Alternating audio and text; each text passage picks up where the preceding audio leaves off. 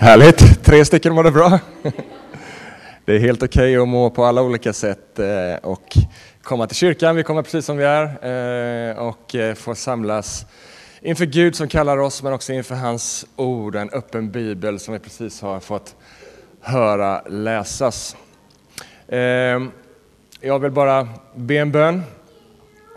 Jag har en sån vana, jag tycker det är en god vana, att få överlåta mig själv i Guds händer innan vi innan jag predikar. Herre, jag tackar dig för att vi får samlas idag, Herre, inför ditt ord, Herre.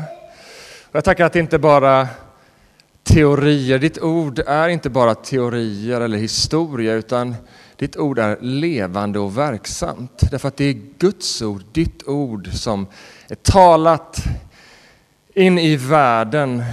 Och idag så vill det tala in i våra hjärtan, in i våra liv och beröra och Låt oss förstå lite mer av vem du är, lite mer av vilka vi är och hur vi passar in i din plan och i din tanke. Så jag ber helige Ande att du ska hålla mig i ditt grepp här, så att jag får tala ditt ord på ett sätt så att det bygger upp.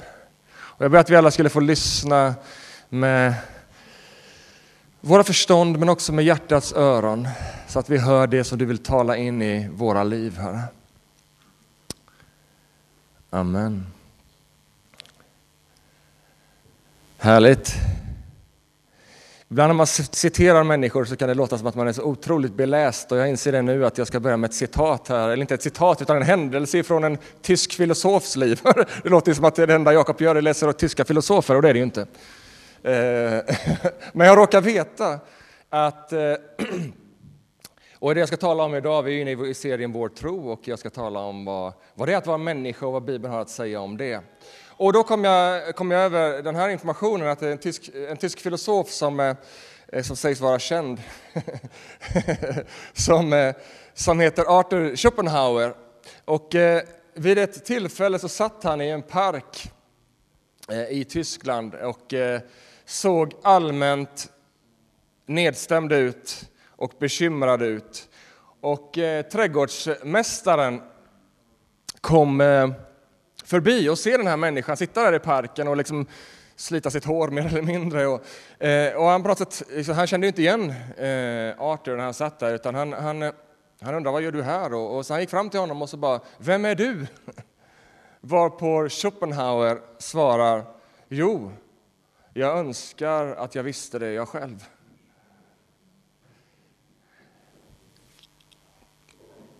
Vad är det att vara människa?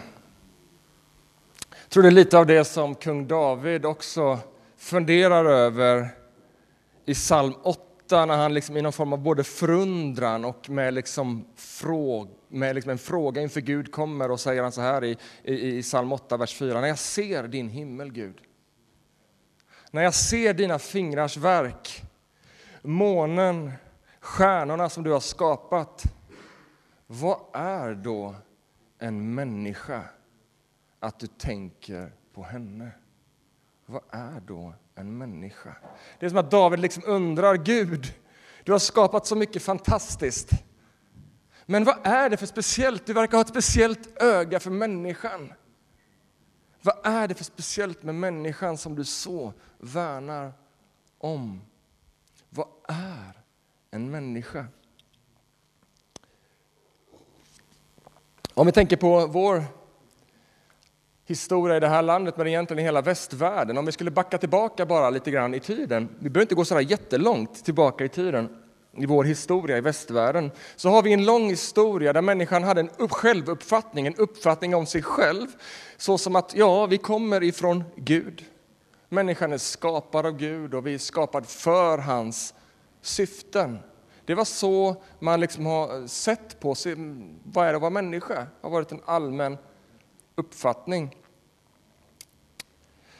En självförståelse som du, liksom jag, är väl bekant med, att det där har luckrats upp under de senaste hundra åren och mer och mer urholkats och bytt ut mot andra förklaringsmodeller och andra uppfattningar och andra visioner och berättelser. Och på ena sidan, liksom i vår tid, så har vi eh, eh, en rent naturalistisk självbild där människan liksom på något sätt är en produkt av olika kemiska processer som har råkat hända på den ena sidan. om vi liksom drar det till sin ytterlighet. Där människan inte har ett eget inneboende värde som särskiljer oss från en planta eller från ett djur. Därför att precis som plantan så är jag också bara en, en någon form av liksom, eh, konsekvens av ett antal kemiska processer. Där, människan, där man beskriver att människan saknar egen fri vilja utan ytterst sett så styrs vi av naturalistiska processer som vi egentligen inte på riktigt kan styra över själva. Det är ett sätt att beskriva vad människan är. Sen har vi på andra sidan, som också, eh, och ibland kanske de samexisterar fast de på något sätt kanske står i strid mot varandra, men en annan, en annan själv, mer, mer av liksom humanistisk förståelse av vad en människa är för någonting. Eh, där liksom vi tvärtom beskrivs att ha full makt över över vårt öde, där vi inte styrs alls av någonting yttre, utan det är människan har kontroll, människan i centrum. och eh, Genom att tro på oss själva, och ju mer vi tror på oss själva, desto mer kan vi få kontroll och styra över tillvaron. Och, och ju mer vi liksom blir frigjorda från, från liksom yttre auktoriteter, desto mer frihet finner vi och upptäcker någon form av liksom, vad det är att vara människa olika berättelser i vår samtid på frågan vad är det att vara människa?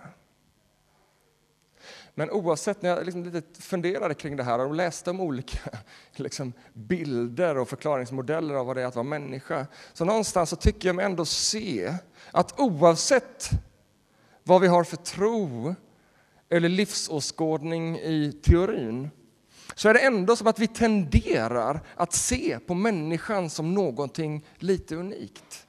Oavsett vad vi har för förklaringsmodell, så ja, men det är ändå något speciellt med människan, åtminstone i praktiken, hur vi tänker och agerar. Ja, men det är lite som vi ser någon som är ute och går med sin hund, vi ser en människa som är ute och går med sin hund. Det är inte så att vi är förvirrade över vem som är hund och vem som är människa. Eh, och, men än mer är det inte så liksom att vi, jag tror att det finns en, någon form av gemensam uppfattning hos de allra flesta i varje fall, hur det bör vara i förhållandet mellan hunden och människan. Att det är människan som bör leda, att det är människan som bör bestämma och styra. En banal bild, men jag tror ändå det finns någonting i det. det finns, alltså människan är i praktiken, ja vi ser lite annorlunda på vad en människa är. Och när vi tänker på djurriket, det är inte så att vi blir förfärade över att större fiskar äter mindre fiskar. Eller att djur bråkar med varandra och till och med dödar varandra och äter upp varandra. Det är inte så liksom att vi försöker få lejon att bli vegetarianer och sluta jaga gaseller. Eller att vi har uppfostringsanstalter för hyenor för att de borde bete sig lite bättre. Men när det kommer till människan så tänker vi annorlunda när det gäller hur en människa bör vara mot varandra. Det är, inte, det är liksom alltså ansvaret att ta hand om skapelsen och förvaltarskapet. Alltså människan sticker ut. Vi förväntar oss något annorlunda och vi kan beskriva någonting mer av en människa än vad vi förväntar oss av annat liv. Bibeln sätter människan i ett sammanhang. Bibeln ger människan en berättelse, en självförståelse, en mening.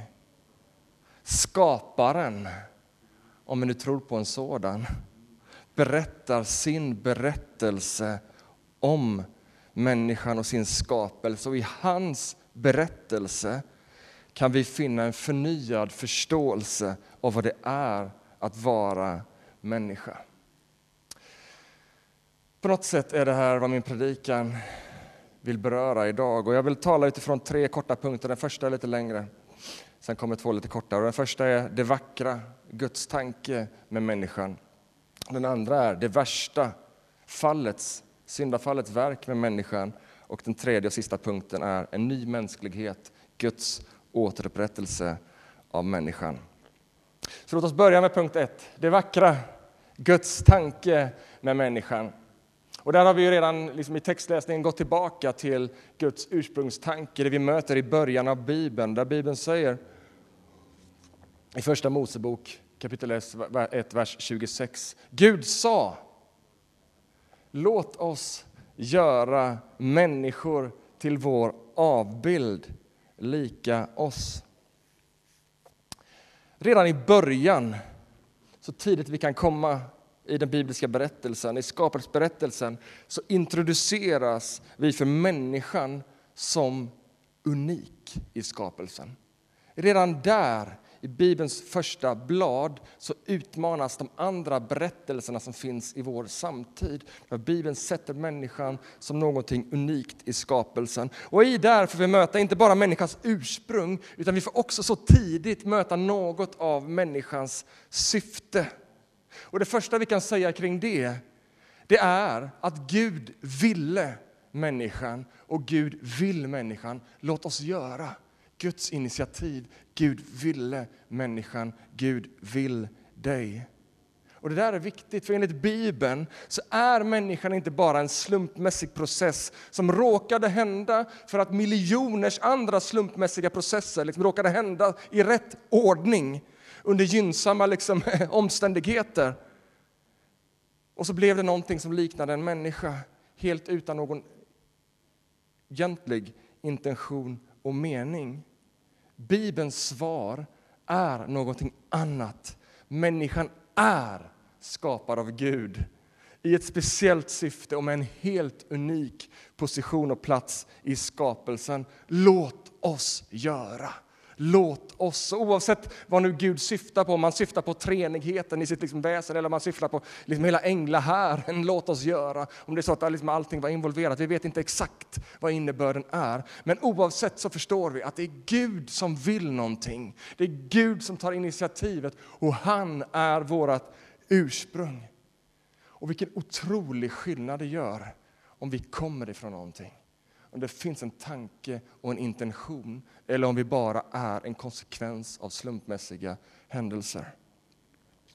Människans dignitet, alltså människans värdighet, är en grundpelare i den kristna tron och det börjar redan här i skapelsen. En värdighet som kommer av vem som har skapat oss, men också hur han har skapat oss. Lyssna igen till orden som jag redan har sagt nu fyra gånger tror jag. Låt oss göra människor. Och så fortsätter det, till vår avbild.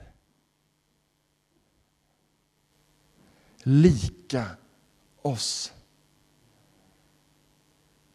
Skapade, människan skapad till likhet med, med vår skapare. Det tillskriver dig och mig och varje människa ett helt unikt värde. Och det är ett värde som ligger bortom vad vi åstadkommer. Idag är det inte konstigt att höra någon som säger nej, vi har inte lika värde för vi bidrar inte lika mycket. Det är en främmande tanke ur Guds perspektiv. Därför att varje människa är tillskriven ett värde, inte av vad vi har åstadkommit, utan för att vi är skapade av Gud till hans likhet. Bortom våra förmågor, bortom våra brister, bortom våra begränsningar, så finns det ett värde i att vara människa. En människa vacker och värdig. Vet du vad du är min vän? Enligt Bibeln, en människa vacker och värdig. Du är av Gud och du är i likhet med Gud. En inneboende likhet som inte kommer ifrån något du har gjort utan från vem som har skapat oss. Och språkbruket här som används i texten är intressant avbild, ofta kallat inom teologins värld för imago dei. Det hebreiska ordet är selem. Och det är ett ord i antiken, selem, det är ett ord i antiken som är reserverat för två saker.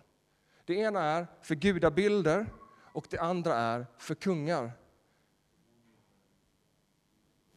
Särskilda statyer i de religiösa templen som tjänade som avbilder till gudarna, de var selem.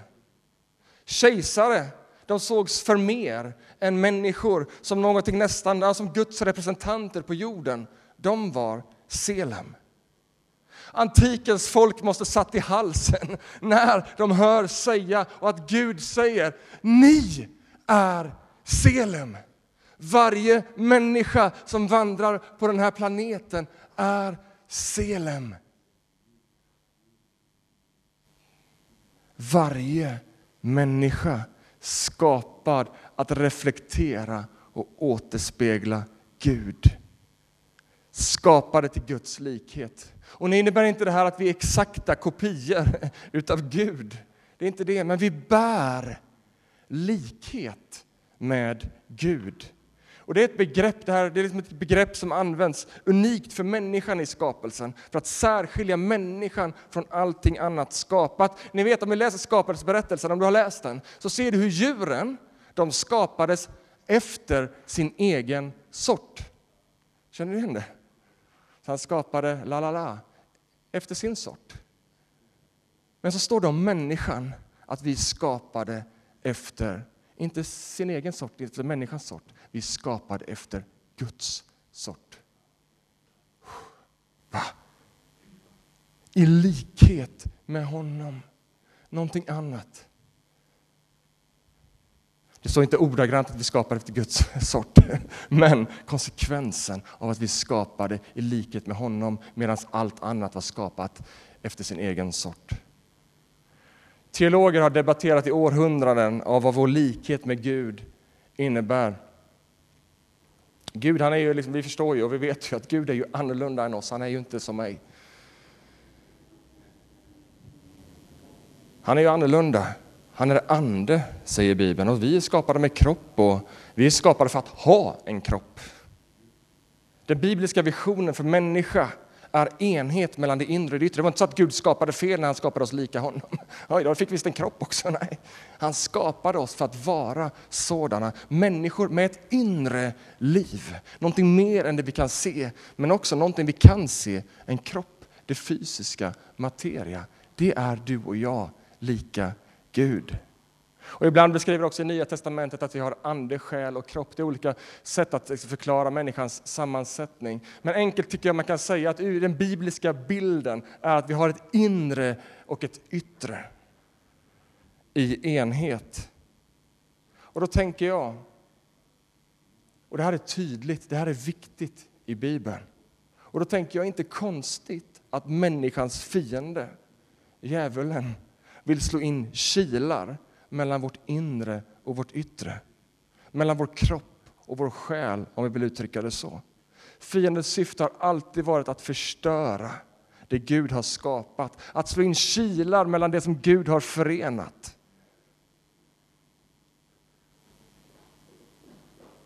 I Guds berättelse av människan Inga kilar mellan det yttre och det inre, utan en människa i enhet, i sin helhet. Och när han har skapat människan sådan så säger han, åh, detta är mycket gott.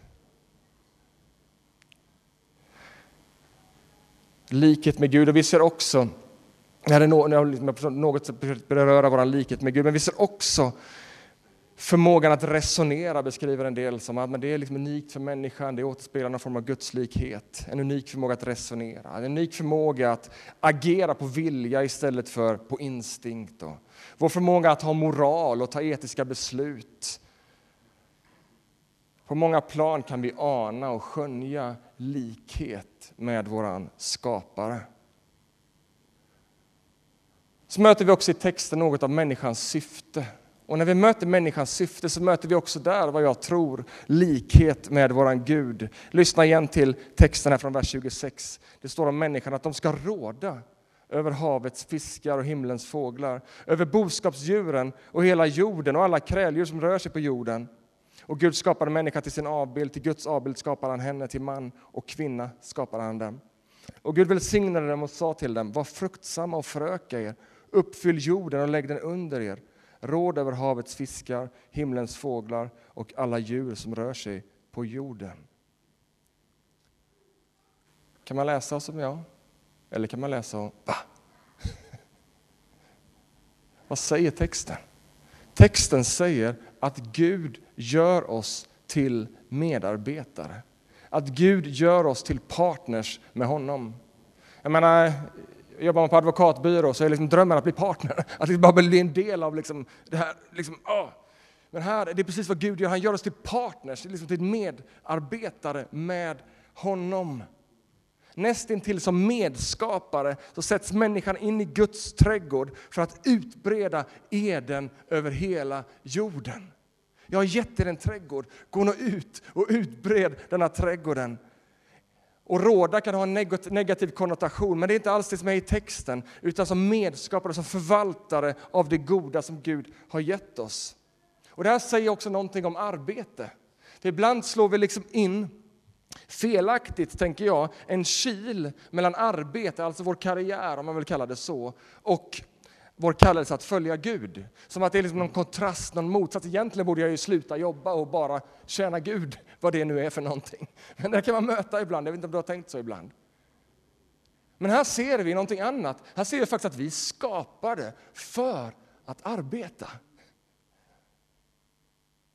Skapade för kreativitet, för att jobba i likhet med vår skapare, i likhet med Gud.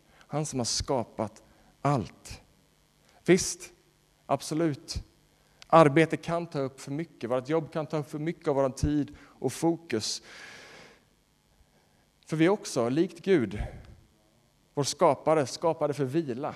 Så att Gud vilade på sjunde dagen. Vi är skapade för njutning och för återhämtning och allt det där. Men tro inte och tänk inte att arbete är liksom ett nödvändigt ont som bara tvingas på oss. Tänk om vi kunde vända perspektiv och se att tvärtom är det någonting som återspeglar vår likhet med Gud av vad det är att vara människa, vårt syfte, att arbeta, att vara kreativa, att bidra, att medskapa till Guds ära.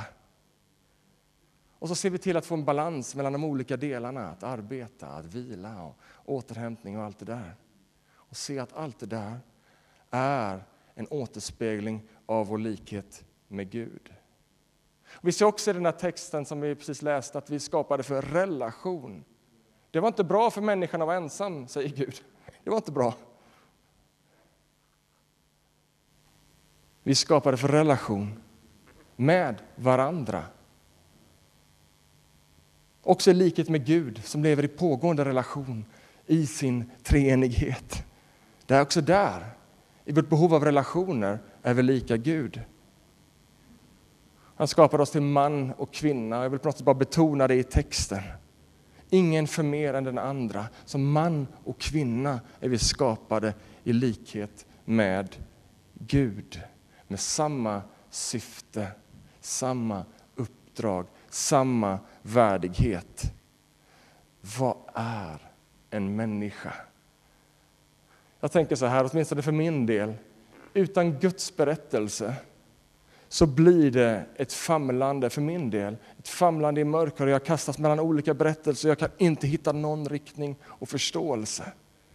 Men som nu den här veckan när jag fått sitta med de här texterna och bara liksom skrapa lite på ytan. För det, jag inser att det är bara liksom ett, en liten del av helheten. Så bara wow, här finner jag en plats för mig. Här finner jag en förståelse av vad det är att vara människa. I Guds goda berättelser, där finner vi vår plats att vara människa. Vårt liv finner sammanhang och mening. Det var den långa första punkten. Det vackra. Guds tanke med människan.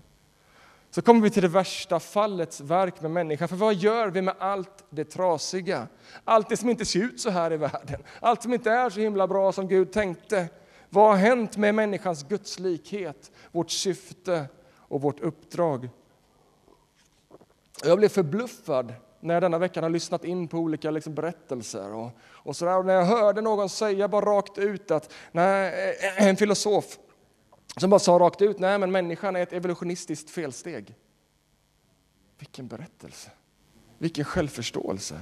Människan är ett evolutionistiskt felsteg med tanke på alla de problem som mänskligheten ställer till med idag. Vad gör det med oss att höra den typen av berättelser? Att se på sig själv och på mänskligheten på det sättet. Men om allt bara styrs av ett evolutionistiskt kuggverk så är det ju uppenbart att något har gått snett. Den självutvecklande och självförbättrande tillvaron har på något sätt kuggat ur. Människan är kapabel till så mycket gott. Men så ser vi också hur kapabla vi är till så mycket ondska. Allt från lite girighet till ofantlig, omänsklig ondska. Och Bibeln duckar inte på något sätt för svärtan. Tvärtom så ger Bibeln en ärlig beskrivning av Guds skapelse i förfall. En mänsklighet som har förvanskats av syndens makt. Och bara vi bläddrar fram några blad ifrån skapelseberättelsen som vi har läst idag så möter vi förfallet. Så möter vi ondskan i form av en orm. Människan luras att släppa in mörker och död i världen. Och där kommer den där kilen som jag pratade om förut. Det är där som den slås in, rakt ner i mänskligheten, rakt ner i skapelsen. En kil slås in mellan Gud och människa.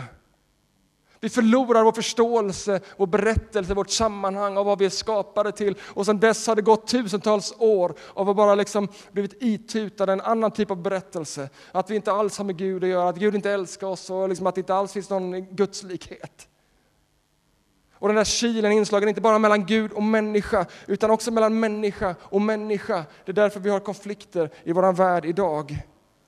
Men också så slås kilen in, som jag nämnde tidigare när jag pratade om vad är en människa. Den slås in rakt in i människor, rakt in i våra egna liv. Och det blir en konflikt inom oss. Vi känner oss inte hemma i vår egen kropp. Det är fel, det är någonting som bara... Åh!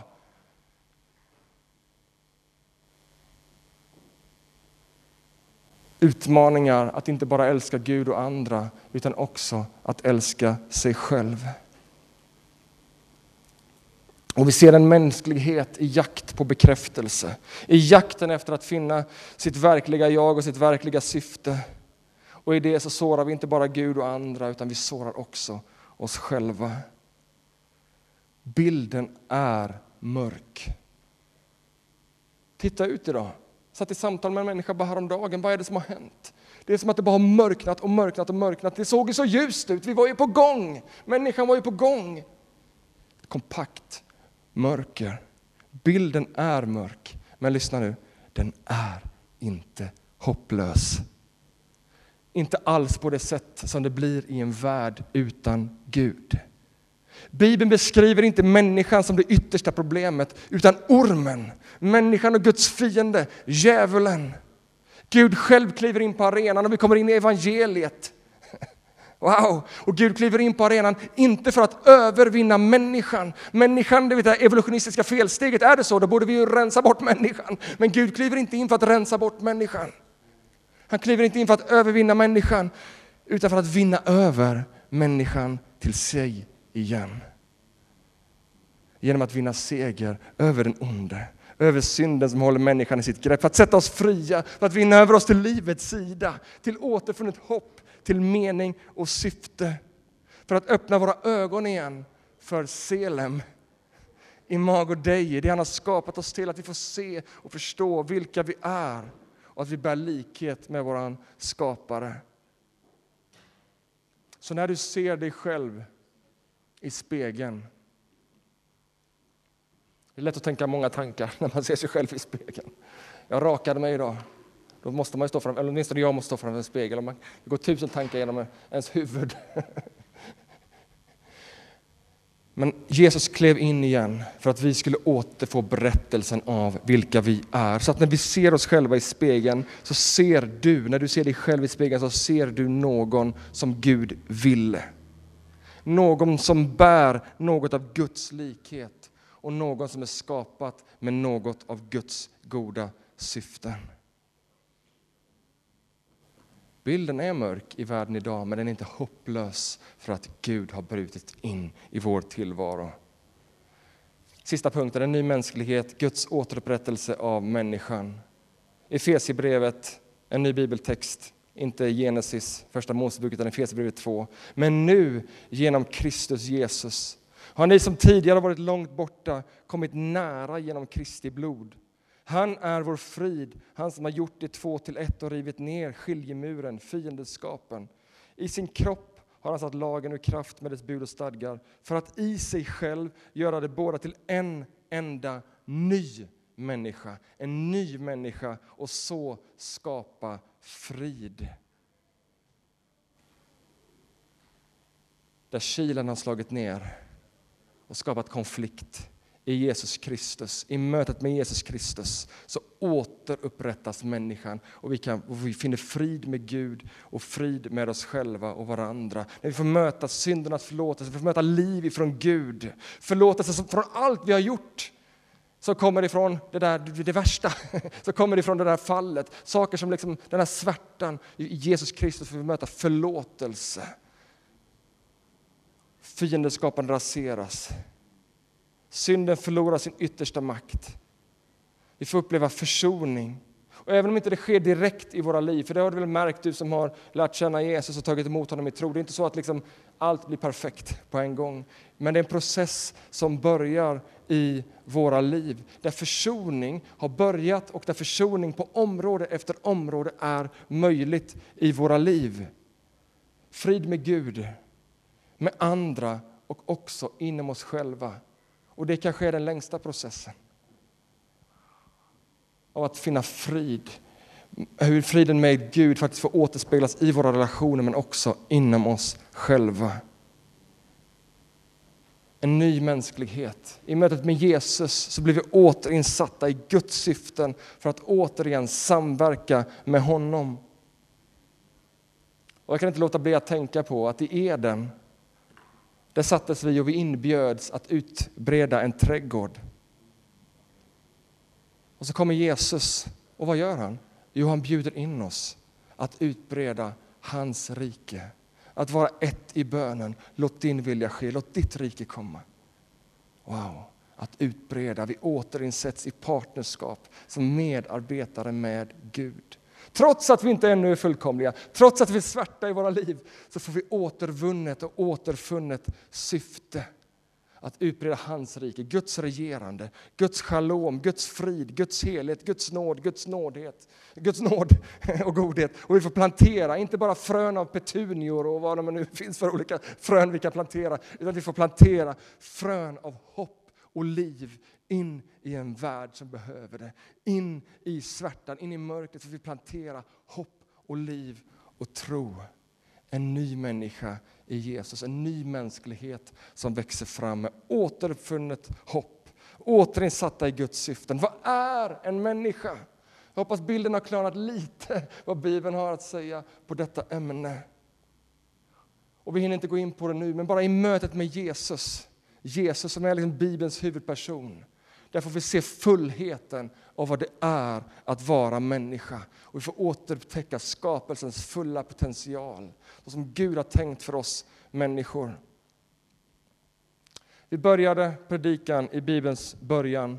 Jag vill avsluta den i Bibelns slut, Uppenbarelseboken kapitel 22. Och jag läser. Och han visade mig en flod med livets vatten klar som kristall som går ut från Guds och Lammets tron. Mitt på stadens gata, på båda sidor om floden, står livets träd. Det bär frukt tolv gånger. Varje månad ger det sin frukt och trädets löv ger läkedom åt folken. Och ingen förbannelse ska finnas mer. Guds och Lammets tron ska stå i staden och hans tjänare ska tjäna honom. De ska se hans ansikte och bära hans namn på sina pannor. Ingen natt ska finnas mer. Och de behöver inte lampors sken eller solens ljus, för Herren Gud ska lysa över dem. Och det, och det ska regera som kungar i evigheters evighet.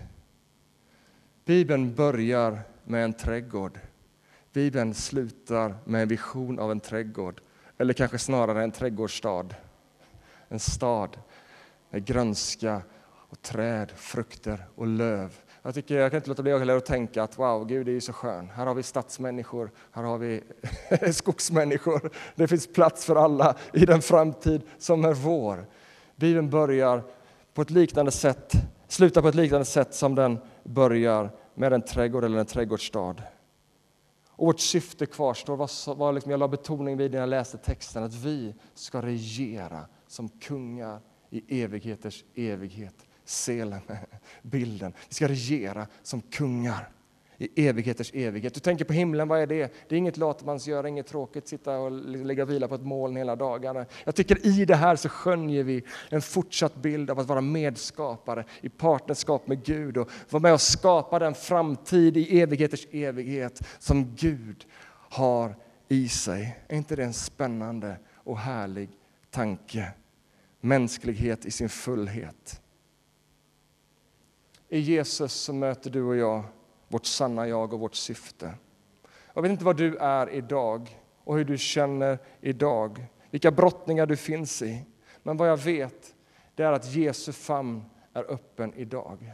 Och du får komma till honom precis som du är. Du kanske känner att jag behöver en förnyad bild av vad det är att vara människa så som Gud har tänkt. Eller jag har fastnat i felaktiga bilder och jag fördömer mig själv. Eller jag, jag ehm, eh, har svårt att hantera andra människor. Eller jag liksom lever i oförsoning mot andra människor. Eller jag lever i oförsoning med mig själv.